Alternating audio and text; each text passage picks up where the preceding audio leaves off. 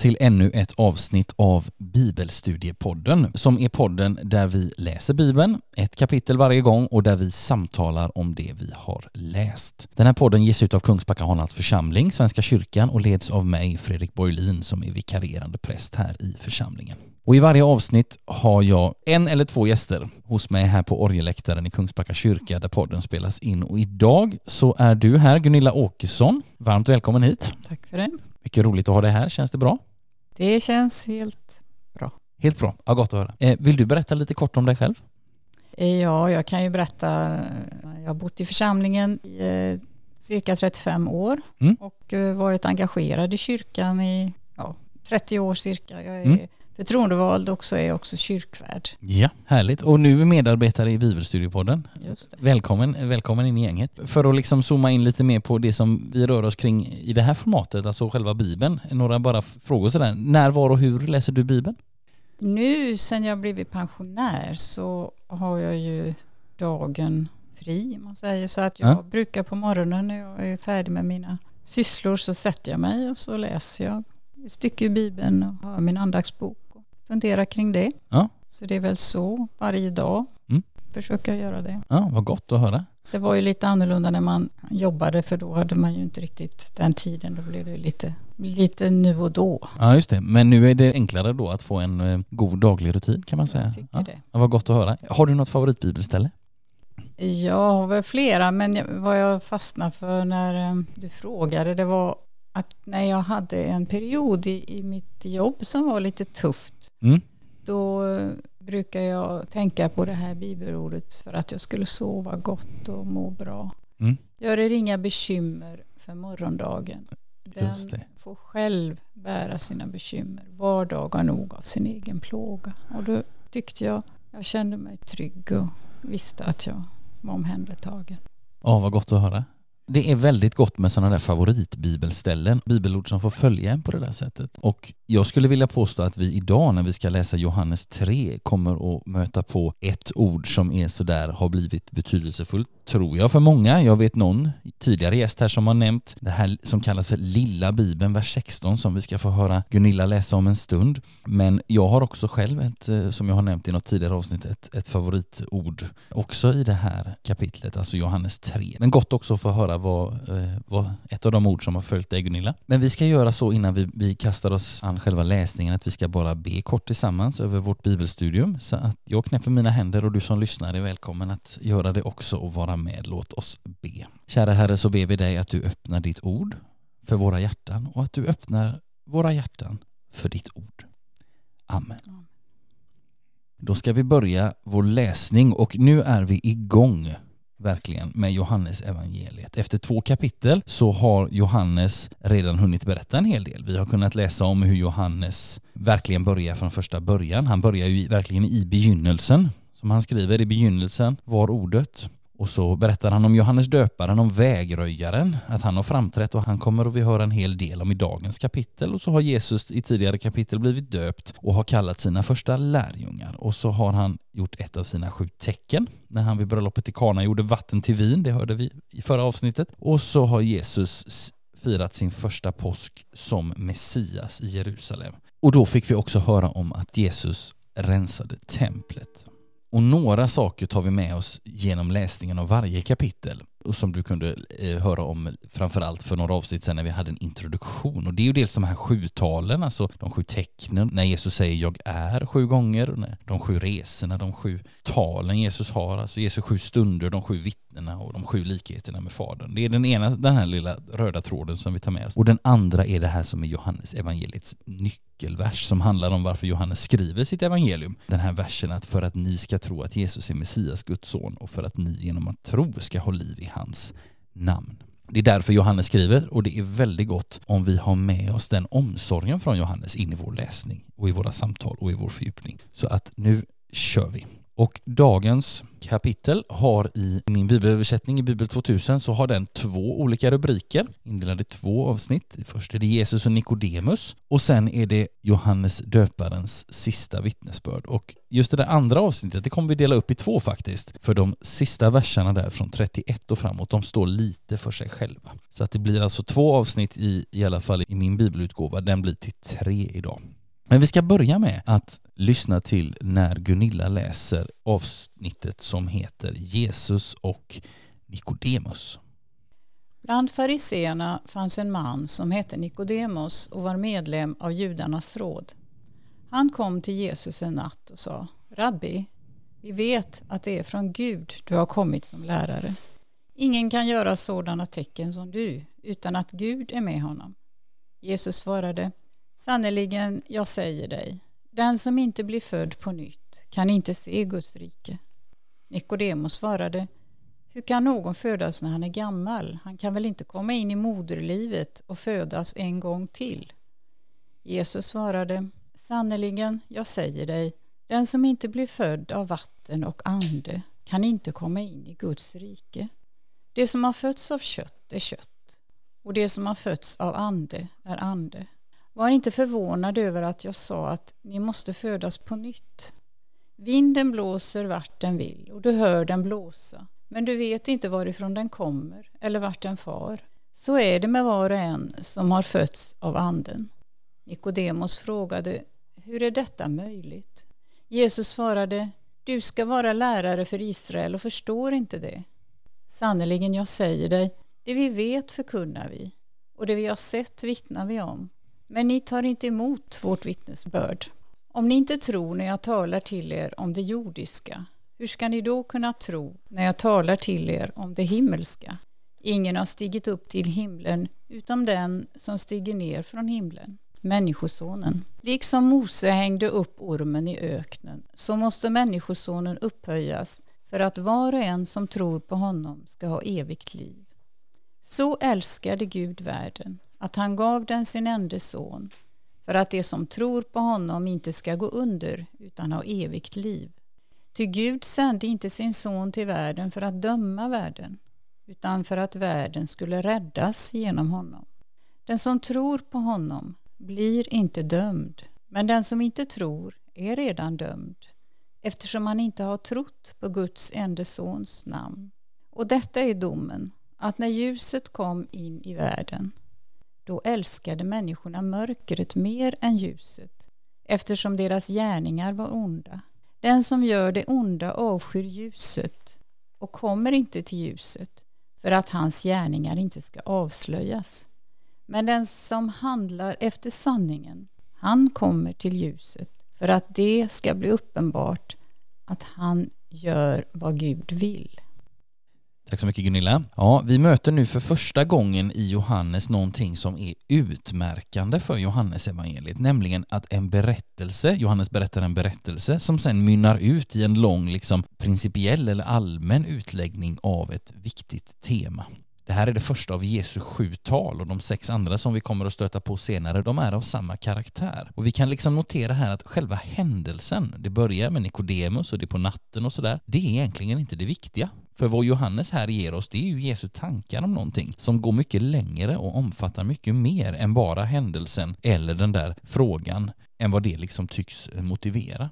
Men samtidigt så är ju utgångspunkten här en konkret händelse och en konkret, liksom ett spörsmål ifrån Nikodemus. En av medlemmarna i, i Stora rådet kommer till Jesus, alltså Nikodemus, och han kommer på natten, kanske eller förmodligen för att få vara ensam med Jesus och slippa alla vittnen. Nikodemus kommer vi stöta på igen, en gång i kapitel 7 när det handlar om olika uppfattningar om Jesus och sen en gång till i kapitel 19 när det handlar om Jesu begravning. Och särskilt intressant bara för att ge lite tankar om vem Nikodemus är, då är det intressant att läsa det där avsnittet i kapitel 19 där han är med. För det står så här, och det här är alltså efter att Jesus har dött och ska begravas. Då står det så här. Josef från Arimataya, som var lärjunge till Jesus fast i hemlighet av rädsla för judarna, bad efteråt Pilatus att få ta ner Jesu kropp. Pilatus tillät det och Josef gick och tog ner kroppen. Nikodemus kom också dit. Han som för första gången hade sökt upp Jesus på natten och han hade med sig en blandning av myrra och aloe omkring 30 kilo. De tog Jesu kropp och lindade den med linnebindlar tillsammans med kryddorna, så som judarna brukade göra vid en gravläggning. Alltså Johannes han, han är välkomponerad, han, han påminner oss om vad vi läste här i kapitel 3 när vi kommer till kapitel 19. Men det är ju intressant det här att Josef från Arimathea, han var lärjunge till Jesus fast i hemlighet. Och jag tror att det är rimligt att tänka att Nikodemus på samma sätt som den här Josef från Arimathea, att vi kan tänka på honom lite på samma sätt, alltså som en lärjunge till Jesus fast i hemlighet. Det hade Nikodemus blivit när vi kommer så långt i berättelsen som till Jesu begravning, men när de träffas för första gången då den här natten i kapitel 3 så är det kanske mera så att Nikodemus är på väg mot att bli en sån där hemlig lärjunge. Kanske kommer du ihåg allra sist i förra kapitlet, alltså Johannes 2, när vi läste att många kom till tro på Jesu namn eller på hans namn när de såg de tecken som han gjorde. Och i det avsnittet så pratade vi också om detta med att Jesus inte anförtrodde sig åt människorna då och att han kände dessa människor och visste vad som rörde sig inom dem. Vi kan misstänka att många blev fascinerade över de här tecknen som Johannes nämner där i kapitel 2, men kanske inte var beredda att också liksom ta emot det där budskapet och det nya livet och den nya riktningen som livet med Jesus innebär. Och det är kanske ungefär här Nikodemus befinner sig om vi ska liksom tillåta oss att spekulera lite. För han hänvisar ju faktiskt själv till just de där tecknen som Jesus har gjort. Det är de han har sett. I vers 2 här, som, som Gunilla läste alldeles nyss, så läser vi att Nikodemus säger Rabbi, vi vet att det är från Gud som du har kommit som lärare. Ingen kan göra sådana tecken som du utan att Gud är med honom. Så att Nikodemus har väl funnit någonting, men han är kanske inte hela vägen framme än. Lite som en inledning. Men Gunilla, vad tänker du på när du hör och läser de här verserna? Alltså det är, finns väldigt mycket i den här texten tycker jag som är både lite svårt mm. och, och, som man undrar över. Ja. Det är ju intressant det du säger att han kom till Jesus för att han ville få ha honom för sig själv. För så har jag aldrig tänkt utan mer det här att han var lite rädd för att visa att han eh, trodde eller tyckte någonting om Jesus. Men eh, man kan ju se olika sätt. Ja. Eh, jag tycker hela stycket mycket här, det liksom sammanfattar mycket av den kristna tron. Mm. Det finns eh, just den här lilla bibeln som du talade om förut, vers mm. 16. Den just det. fick man ju lära sig utan till i skolan när man var barn. Ja. Och den har ju hängt med. Ja, just det. Sen eh, finns det ju en del som man kan undra över. Dopet, det står exempelvis att eh, vers 5 det står att Jesus säger sannerligen jag säger dig den som inte blir född av vatten och ande kan inte komma in i Guds rike. Ja, just det. Och eh, jag tolkar det här som dopet. Mm. Och då funderar jag på det här med alla barn som inte blir döpta. Mm. Det känns lite svårt att de inte skulle komma in i Guds rike. Det, det, förstår jag. Alltså det, jag, kan, jag kan också dela den. Det, det är intressant det här vad det som Jesus säger här. Han talar om att födas på nytt och precis som du säger, han talar om att födas av vatten och ande och som vi med, med goda skäl kan liksom förstå som, som dopet. Liksom. Jag tänker, det är intressant det här om man bara ska säga någonting om det här med, med, med just född på nytt och det nya livet. Och det, det finns ju också en, i texten också en, eh, en, en lite intressant tanke för, för Nikodemus. Han förstår ju inte från början. Alltså han, han tror att det handlar om så att säga att födas på, en gång till på det vanliga sättet. Men, men vad betyder då det här? Jo, men det handlar ju om dopets gåva, absolut. Även om kanske inte Nikodemus uppfattade det så. Men vi ska återkomma lite till det om en stund. Men sen handlar det också om så att säga född på nytt i betydelsen jag har fått trons relation med Gud. Alltså Nikodem, jag tänker det är lätt för oss att och, eh, att förstå det här med, med att födas på nytt. Därför att det är ju någonting som, det här med omvändelse, att man blir en ny människa. Mm. Men Nikodemus, han förstår ju inte det här. Nej. Men sen tycker jag också det är en ganska naiv fråga. Ja. Hur kan han födas? Han kan väl inte komma in i moderlivet? Det verkar lite... Nej, nej, nej precis. Alltså det, och jag, jag tror också på ett sätt att det där är också ett sätt att diskutera, liksom, att, att lite gå i svar. Vi vet ju inte hur Nikodemus säger det här. Om, om det är liksom en, en, en väldigt en, liksom en försiktigt ställd fråga eller om det är liksom en upprörd fråga. Vad då födas på nytt? Man kan väl inte, hallå, Ungefär så, det, det, vet vi inte. Alltså det här begreppet född på nytt, eller som man också kan översätta det, född ifrån ovan, eller, alltså det vill säga född, ifrån, född av Gud. Att det är Gud som handlar, det är Gud som handlar både i dopet och när vi människor kommer till tro nåden som, som Gud vill ge, det är ju inte bara att vi får liksom ta emot det när vi tror som en liksom belöning eller ett smycke utan det är, det är också en nåd att Gud har liksom dragit i oss. Och han drar ju i alla människor, döpta som odöpta och vill liksom dra dem närmare sig och, och där finns det också en, en tydlig uppmaning till dem som redan känner honom. Så missionsbefallningen, gå ut och gör alla folk till lärjungar, verka i dina sammanhang och vad kan, vad kan vi göra liksom? I dopet så får vi någonting fantastiskt men vi, det finns mycket, mycket mer att upptäcka när vi också lär känna Gud genom tron liksom. Men det här att eh, med född på nytt, född från ovan, född av Gud, det är Gud som handlar. Det här är ingenting som vi människor kan göra eller uppnå utan vi behöver det här faktumet att det kommer ifrån ovan, ifrån Gud. Det är på så sätt som vi kan se Guds rike som det också står i, i de här verserna. Se Guds rike, alltså det vill säga komma in i Guds rike, leva i Guds rike redan nu. Se tillvaron med, med trons ögon. Och det handlar inte om att födas en gång till på det vanliga sättet, vilket Nikodemus verkar tro, eller han tar det i alla fall det som ett bisarrt exempel, utan det är Gud som måste gripa in och låta oss födas på ett annat sätt när han skänker oss liv ifrån ovan.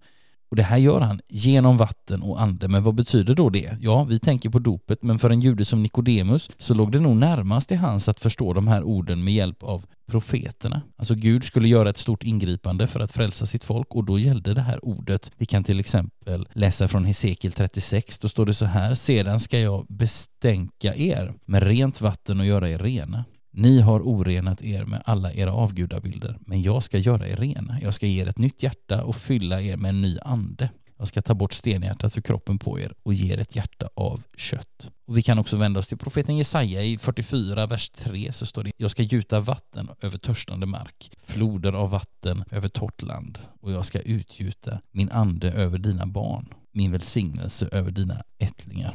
Och sen kan vi nog tänka oss att Johannes i de här orden säkert har hört liksom att Jesus, han, han syftar på dopet. Och så har man också förstått det i kyrkan liksom från den allra första tiden. Och så har även Paulus, liksom den, den stora brevskrivaren i Nya Testamentet som utvecklar mycket och som sätter mycket på, på pränt och som liksom, skickar ut detta till församlingar i sitt brev och till personer. I sitt brev till Titus så skriver han så här och då talar han om dopet på precis det här sättet för han skriver så här. Men när Guds, vår frälsares godhet och kärlek till människorna blev uppenbara räddade han oss.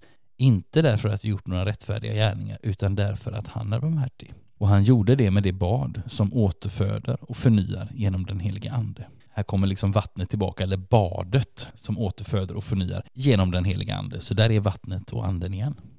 För att lite återkoppla till din fråga här och din fundering eh, Gunilla kring liksom det här med dopet och att människor inte döps och så. Jag tänker att det är, jag kan också tycka, alltså att få vara med om ett dop är någonting fantastiskt och när man, speciellt när man tänker på liksom vilka löften Gud knyter till dopet. Men, men eh, det är aldrig för sent att bli döpt. Nej. Konfirmander döps, vuxna döps, även äldre personer döps. Alltså det är aldrig för sent att, och det är aldrig för sent att börja. Alltså rövaren på korset i slutet av Lukas evangeliet. Jesus säger sannerligen redan idag ska du vara med. För att ta en jämförelse med världen. Alltså jag fick ett erbjudande om att gå med i en a-kassa och då skulle man betala in i ett år innan försäkringen gällde. Men i fallet med både dopet och tron som är det allra mest grundläggande så gäller ju det från första sekunden från första millisekunden. Och det, det är gott att tänka på. Vi som redan har liksom upptäckt och, och börjat vandringen med Gud, vi, liksom, vi har ju också uppdraget från Jesus att liksom försöka få med oss folk på vägen och det är ibland inte så lätt. Det är svårt att vara frimodig, men, men att bara be för människor det är en sån där god regel, jag vet inte, nu är det fasta när det här spelas in i alla fall och några i min närhet om Facebook-fastar. Men en vän till mig sa så här att jag, varje gång jag trycker på like på Facebook eller på andra sociala medier och liksom interagerar, så brukar jag också be för människorna. Alltså det är bara en sån enkel sak att liksom upptäcka vardagliga strategier för att be. Det, då, är, då är minst halva jobbet gjort alltså. Men visst är det, visst är det viktigt att, att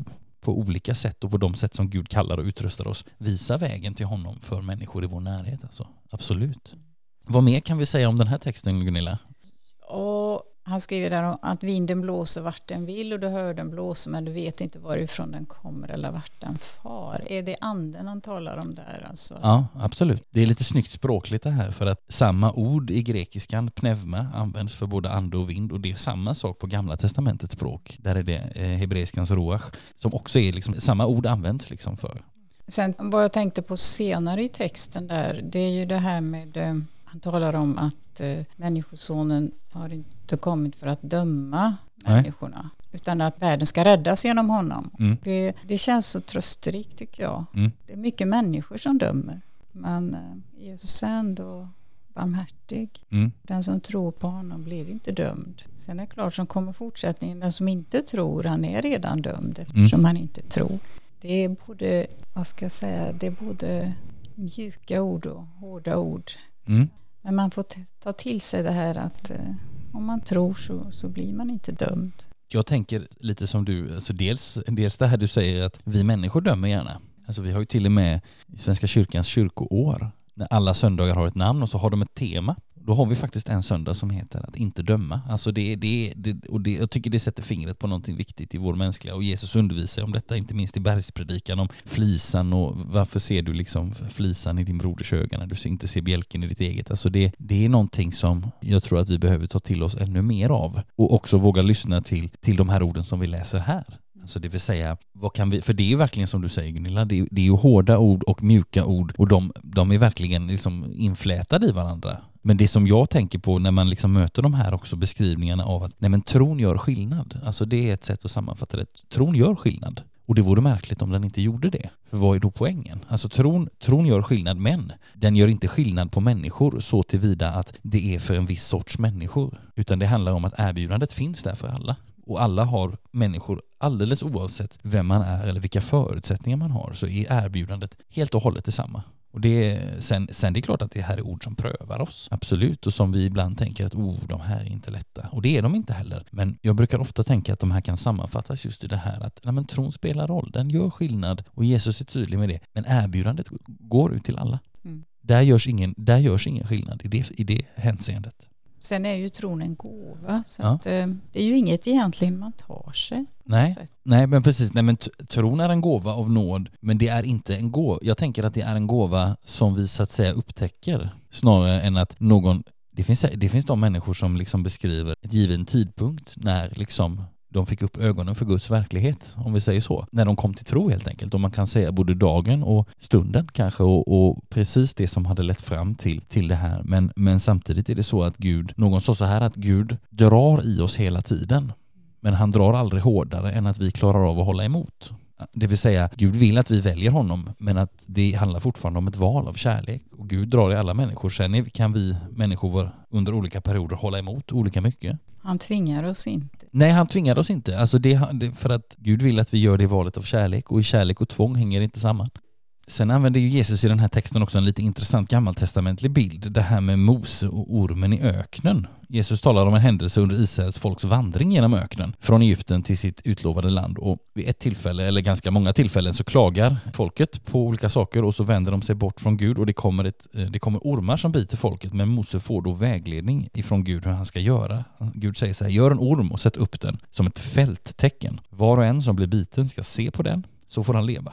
Och Mose gjorde en orm av koppar, stod det, och satte upp den som ett fälttecken. Den som blev biten av en orm såg på kopparormen och då fick han leva. Det här kan vi läsa om i fjärde Mosebok 21. Det vill säga Jesus kallar sig själv för det här epitetet Människosonen som vi varit inne på innan och som också har liksom, som vi också kan läsa mer om i Gamla Testamentet. Och så låter han berättelsen om kopparormen bli liksom en bild för det som han själv ska komma att bli alltså upphöjd på ett kors som ett fälttecken eller ett segertecken. Alltså tillämpningen för oss är ganska tydlig om vi ser på Jesus. Och det är ju ett sätt att beskriva tron. Ett väldigt, tänker jag, ett väldigt enkelt och grundläggande sätt att beskriva tron. Det, handlar, det blir ännu tydligare där att det inte handlar om mina egna meriter eller moraliska segrar utan att bara att se på Jesus så får vi leva, så får vi del av det liv som han ger. Så att det, är inte, det handlar inte om en komplex lära eller eh, något slags system av olika nivåer eller sådär utan det handlar om tro. Se på Jesus. Det är så enkelt ändå. Gud gör inte, Gud gör inte det krångligare än så. Liksom.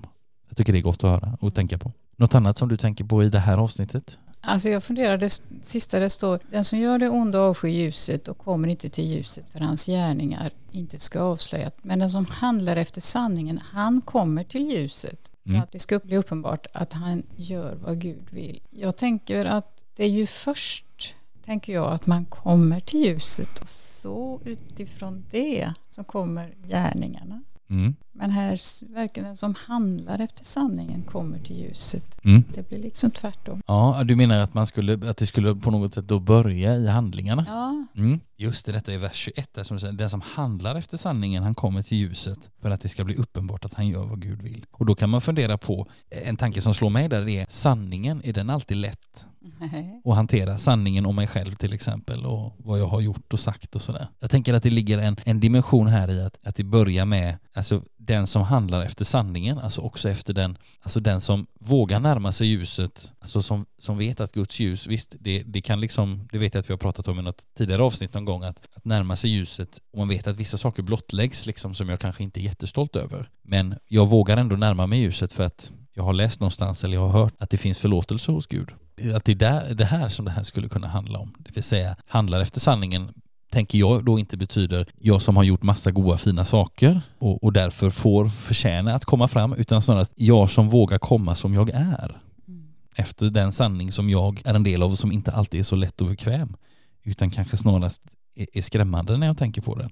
Då blir det ju en annan betydelse. Det vill säga, jag måste handla efter sanningen för att komma till ljuset i betydelsen Jesus vet ändå precis hur det är ställt. Det fick vi en påminnelse om i Johannes 2 i förra kapitlet här, att när Jesus säger att eh, han visste själv vad som fanns i människan. Alltså att det, man kan säga så här, det är vår ärlighet som är Guds möjlighet på något sätt. Ja, det är väl så att man måste, man måste komma till insikt om sig själv ja. innan man kan liksom se att man behöver hjälp. Ja, ja men precis. Alltså det, det, jag kan ju ha bakat världens godaste bröd här som jag vill bjuda dig på Gunilla, men om, om inte du inser att du är hungrig så kommer du inte äta av det. Eller jo, du kanske kommer ta en liten bit för att vara artig. Men om jag tänker att åh, Gunilla hon är säkert jättehungrig och hon behöver det här brödet. Men du säger nej, nej, jag är inte hungrig. Jag har i och för sig inte ätit på två veckor, men jag är inte hungrig. Alltså man måste förstå att man är hungrig för att kunna, för att kunna äta på eller för att liksom ta emot det här med en glädje på något sätt. Jag tänker att det är lite, lite samma sak där. När vi läser om den förlorade sonen, det är ju Lukas evangeliet, men då står det ju att han kom till sig själv. Mm när han vaktar svinen och ja, han har spelat bort allt han har, han har fått ärva och han, han vaktar svinen och han får inte ens äta av deras mat och där någonstans så kommer han till sig själv, alltså han inser vad han håller på med.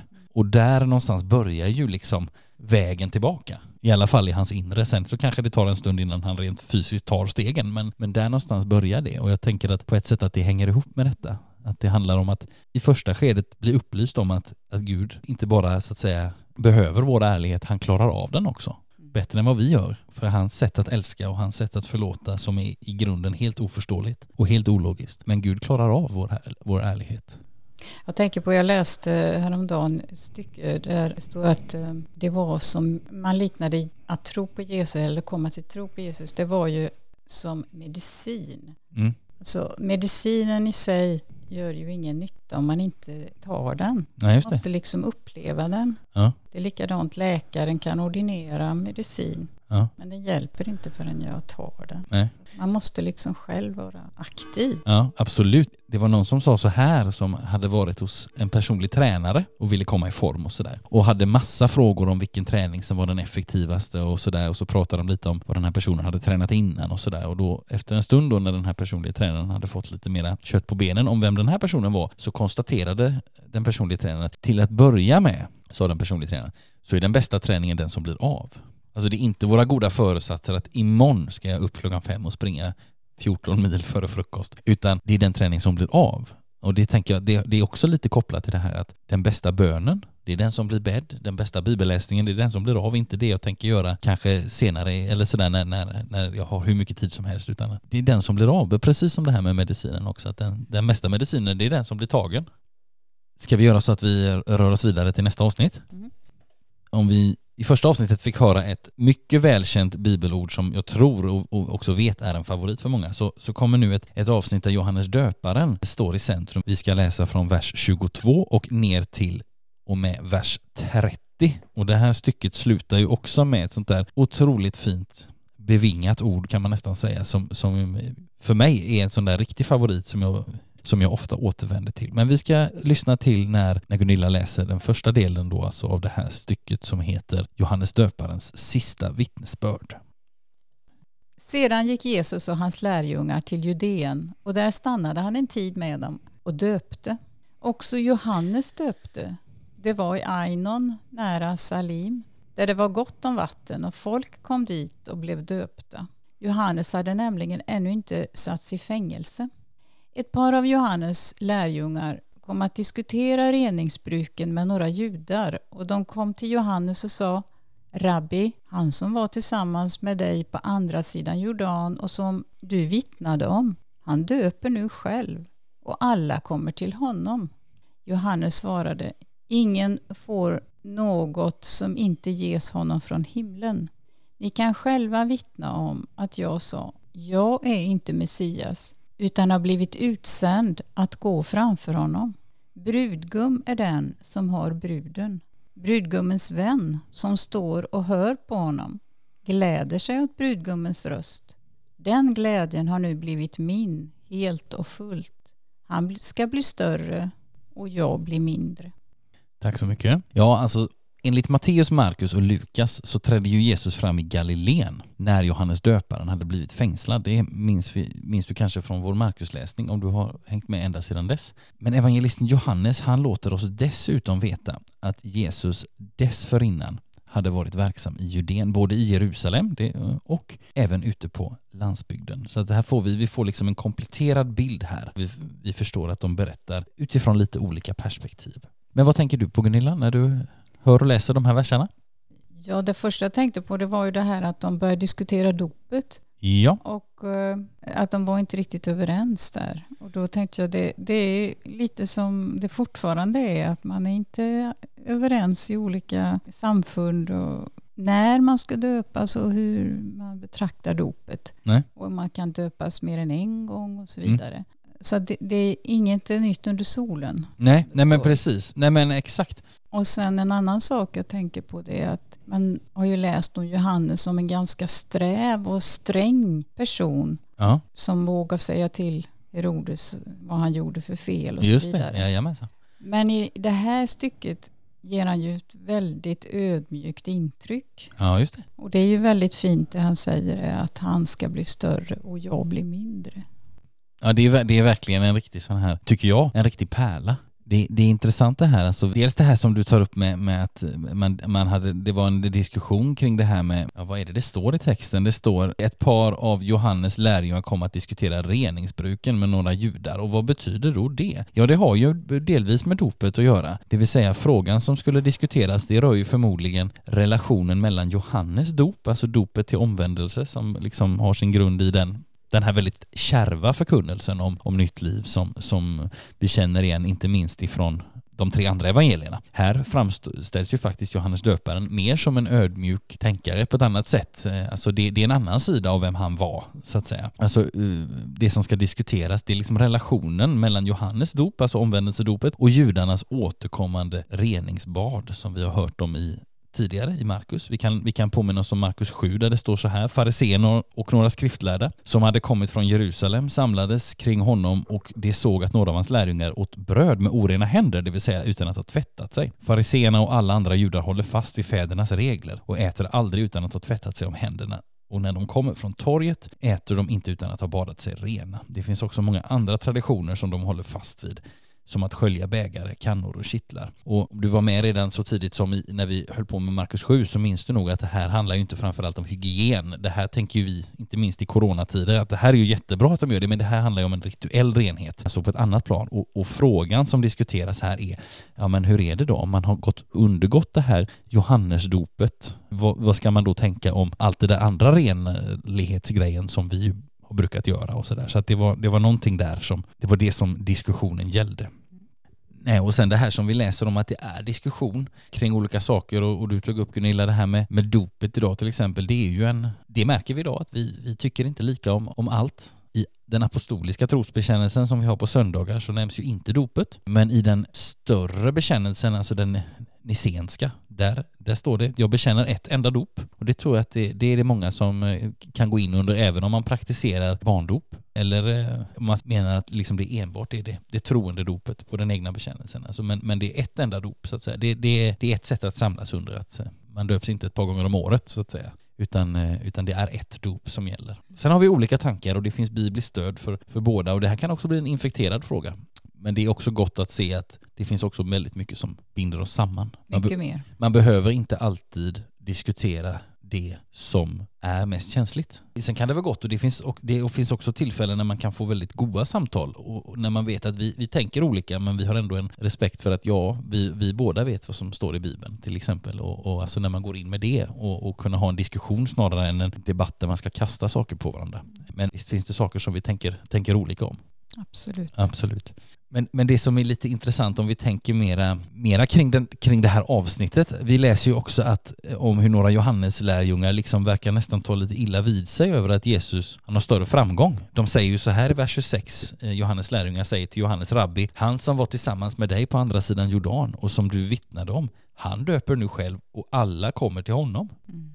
Och sen är det intressant, de säger han döper nu själv och, och, och, lite tidigare så står det att Jesus var där och döpte de stannade där en tid med dem och döpte, står det i vers 2. Men sen så förklarar Johannes i början av kapitel 4, då läser vi så här. Det var dock inte Jesus själv som döpte, utan hans lärjungar. Det verkar inte som att det var Jesus själv som döpte, men att hans lärjungar kan ha gjort det. Men, men hur som helst så, så verkar det liksom, Johannes lärjungar verkar ha lite problem med att, vänta nu, här är ju någon annan person som har samlat lärjungar och som drar väldigt mycket folk nu och vad, vad ska vi tycka om det? Vi ska inte sådär. Och, och det, det är mot den bakgrunden som Johannes sen kan säga det han säger och han kan prata om det här med om sig själv som brudgummens vän och det mynnar ut i det här väldigt fina slutordet han ska bli större och jag mindre. Alltså för Johannes är det här inget problem att Jesus har blivit liksom det nya nummer ett i det här sammanhanget. Utan han vet att det ingår, Johannes döparen vet att det här ingår i planen. Så här måste det gå. Också det här är av Gud. Så för Johannes egen tid går mot sitt slut. Brudgummen Jesus har kommit och bruden det är liksom Guds folk.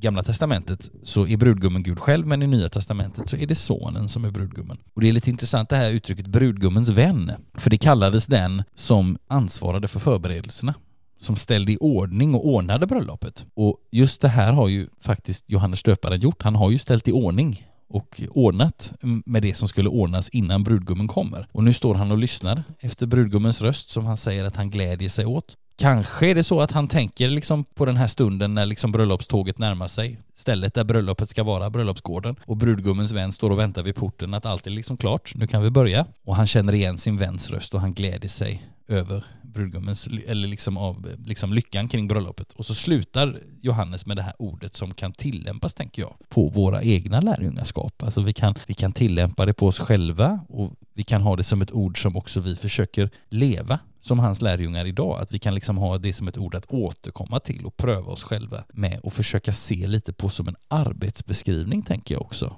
för livet som, som lärjunge. Alltså det här, han ska bli större och jag mindre. Mm. Det, det tänker jag. Det det sen är det utmanande, men det är, också, det är också tydligt och klart. Jag tänkte att eh, de här Johannes lärjungar, de blir lite avundsjuka. Mm. Och det är också det är så mycket mänskligt i ja. texterna. Ja men, ja men precis. Vi, vi, alltså de blir lite avundsjuka och vi vet ju också att Jesu egna lärjungar de kan ju säga de mest märkliga saker mm. ibland. När saker inte riktigt går som de vill eller de, de tror sig om, om, om saker och ting. Så det, det, och det är också skönt att det har liksom inte filats bort. Inte ens det här för att liksom koppla bakåt några avsnitt, inte ens det här att Petrus förnekar har liksom städats bort. Mm. Det hade ju varit hur frestande som helst för Petrus att, att säga till Markus när han skrev sitt även kan inte du städa bort det där? Men, men han, det får ändå stå kvar och det, jag tänker att det, det hjälper oss att förstå att allting beror av nåd verkligen. Att det är inte, det är inte perfekta människor här utan det är, det är Jesus som är perfekt och sen så, så får andra vara med i alla fall. Liksom. Och eftersom den inbjudan, den, den handlar inte om vad jag har gjort utan om att jag är jag och att det finns en kärlek från Gud, så kan jag också liksom med Nej, alltså jag kan på samma gång tänka på mig själv som en människa som är oändligt och djupt älskad av Gud. Och så kan, det kan jag göra på samma gång som jag också tar det här ordet som Johannes säger, han ska bli större och jag mindre. Och vad betyder då det? Jo, när jag kopplar in Guds kärlek så innebär det också att den kärleken, den ska jag få uppleva ännu mer. Liksom. Så att det, man, jag tänker att här kan man hålla två tankar i huvudet samtidigt. Liksom. Mm. På något sätt. Sen har vi en liten, en, ett litet avsnitt som faktiskt hänger ihop med det förra, i alla fall i min bibelutgåva. Men jag tänkte vi ska ta den lite separat nu. Så nu ska vi lyssna till när Gunilla läser de sista verserna i kapitel 3, alltså från vers 31 och så resten av kapitlet. Den som kommer ovanifrån står över alla. Den som kommer från jorden tillhör jorden och talar jordiskt. Den som kommer från himlen vittnar om vad han har sett och hört och ingen tar emot hans vittnesbörd. Den som tar emot hans vittnesbörd erkänner därmed att det Gud säger är sant. Till den som Gud har sänt talar Guds ord. Gud ger anden utan att mäta. Fadern älskar sonen och har lagt allt i hans hand. Den som tror på sonen har evigt liv, men den som vägrar att tro på sonen ska inte se livet, utan Guds vrede blir kvar över honom. Tack så mycket Gunilla. Vad tänker du när du läser eh, och hör de här verserna? Där finns väldigt mycket i texten, men vad jag, vad jag tänkte som tröstar, det står i vers 34, Gud ger anden utan att mäta. Och för mig blir det att det spelar ingen roll vem vi är. Om vi är bibelsprängda eller om vi ingenting kan. Mm. Vi kan få anden ändå. Ja men precis. Det är ju häftigt. Det, det slog mig precis när du sa detta att det här handlar, jag tänker att man kan förstå det här på två sätt. Att det är så att säga, Gud ger anden utan att mäta. Han mäter inte så att säga det, om vi tänker att vi människor är som en kruka eller en bunke, så han mäter inte vad som finns i oss eller hur stora vi är på något sätt. Utan det är så att säga, han mäter inte oss, men han mäter inte heller mängden ande. Han säger inte, ja, två och en halv deciliter det får, få nog här per person, utan, eller sova, utan jag tänker att det finns en dubbel grej i det där att inte mäta. Mm.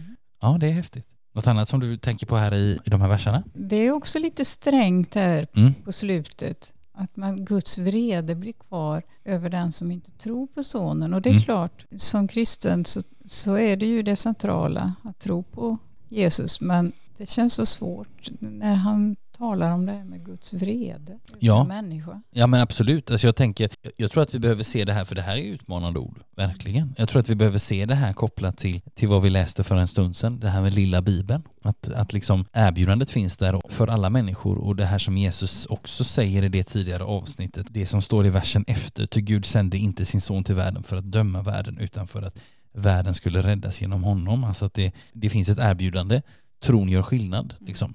Mm. Och samtidigt som vi kan, när vi läser de här sådana här ord om, om, om liksom Guds vrede till exempel, det kan vi å ena sidan känna är utmanande, det kan liksom, det kan nästan krypa i oss och, och det här, det här är liksom, oh det här prövar mig och det här är inte lätt att läsa. Å ena sidan kan vi göra det, å andra sidan kan vi kort innan eller kort efter säga Gud varför tar inte du tag i det här? Hur kan du tillåta att det här sker? Alltså att, alltså så att jag tänker att det finns en dubbelhet inom oss människor, att å ena sidan så är det svårt att läsa om Guds vrede, å andra sidan längtar många människor efter att Gud ska ta tag i ondskan. Men Gud vill samtidigt, Gud vill samtidigt liksom dra människor in i sin gemenskap. Alltså det, det är den här dubbelheten hela tiden att vi, vi vill att Gud ska liksom ta tag i ondskan men, men ändå så blir vi utmanade av när det står så här på något sätt. Jag, jag, jag ja. tror att det kan vara ett sätt att se på det kanske. Ja, det, det blir ju lite lättare om man tänker att det, det är Guds vrede över det onda ungefär. Mm.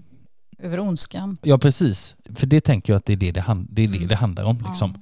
Inte, inte en allmän vrede, utan just en vrede över ondskan. Liksom. Och sen är det intressant, det här avsnittet som vi läste nu på slutet, det är också lite som en meditation nästan. Man skulle nästan kunna läsa den om och om igen och liksom låta den liksom tala till en. Alltså, det här är också någonting typiskt Johannes, att, att orden blir på ett särskilt sätt svårsmälta. Mm. Alltså inte, ba, inte bara småsmälta för att vi kan fastna för vissa ord, alltså som till exempel då vrede i det här fallet, utan också lite det här att vi måste höra dem flera gånger och de har någonting liksom djupare att säga oss. Vi kommer att återkomma till andra sådana här ställen på vår vandring men, men det är intressant att i det här avsnittet så kan vi notera att här finns både Fadern och Sonen och Anden med och eh, det talas också om lite granna hur de här interagerar. Alltså det står Fadern älskar Sonen, Fadern har lagt allt i Sonens hand. Alltså det är, det här får vi lite stoff till det här tanken om treenigheten, att Gud är tre och en och hur de hänger ihop och det här är ju ett jättemysterium som är svårt, eller som inte liksom kanske lägger sig på plats första gången vi hör det. Men jag tror att här är just Johannes evangeliet också lite som en skatt för oss att läsa till exempel det här avsnittet och det finns också andra, inte minst när vi kommer in på Jesu stora avskedstal som är flera kapitel långt, men det, det är en bra, bra stund kvar till innan vi kommer fram till det avsnittet. Men, men de är också, jag tänker att det är också bibelord som är tänkta för att verkligen läsa om och om igen. Liksom, vad skulle hända om jag en ledig lördag läste det här,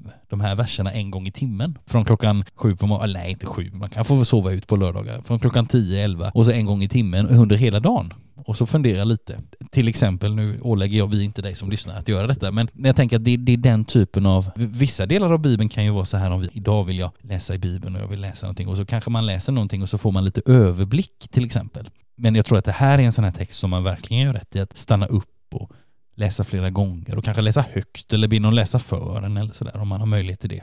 Men just det här att här dyker små pärlor upp alltså. Här kan vi ana någonting mer av Gud och hur liksom Fadern och Sonen och Anden, hur det hänger ihop och hur de liksom samverkar och är tre men ändå en på samma gång och sådär. Så men det är ingenting man, man blir klar med på en eftermiddag direkt, är det inte.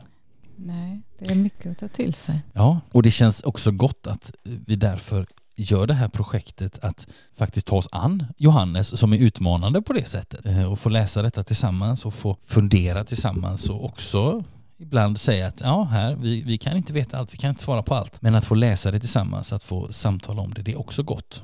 Även om eh, vissa texter är både svåra att läsa för oss men också svåra för att de behöver tid. Gott. Och det är någonting som också är väldigt gott, det är att ha gäster här i, på, på orgelläktaren. Vi ska gå in för landning nu så jag vill säga till dig Gunilla, stort tack för att du har varit här. Tack för att jag fick komma. Väldigt, eh, väldigt gott att, eh, att ha dig här. Hoppas du som har lyssnat också har fått någonting till dig och kunnat följa med i vårt samtal. Och tills vi hörs nästa gång så önskar vi dig som lyssnar allt gott och Guds rika välsignelse. Hej då!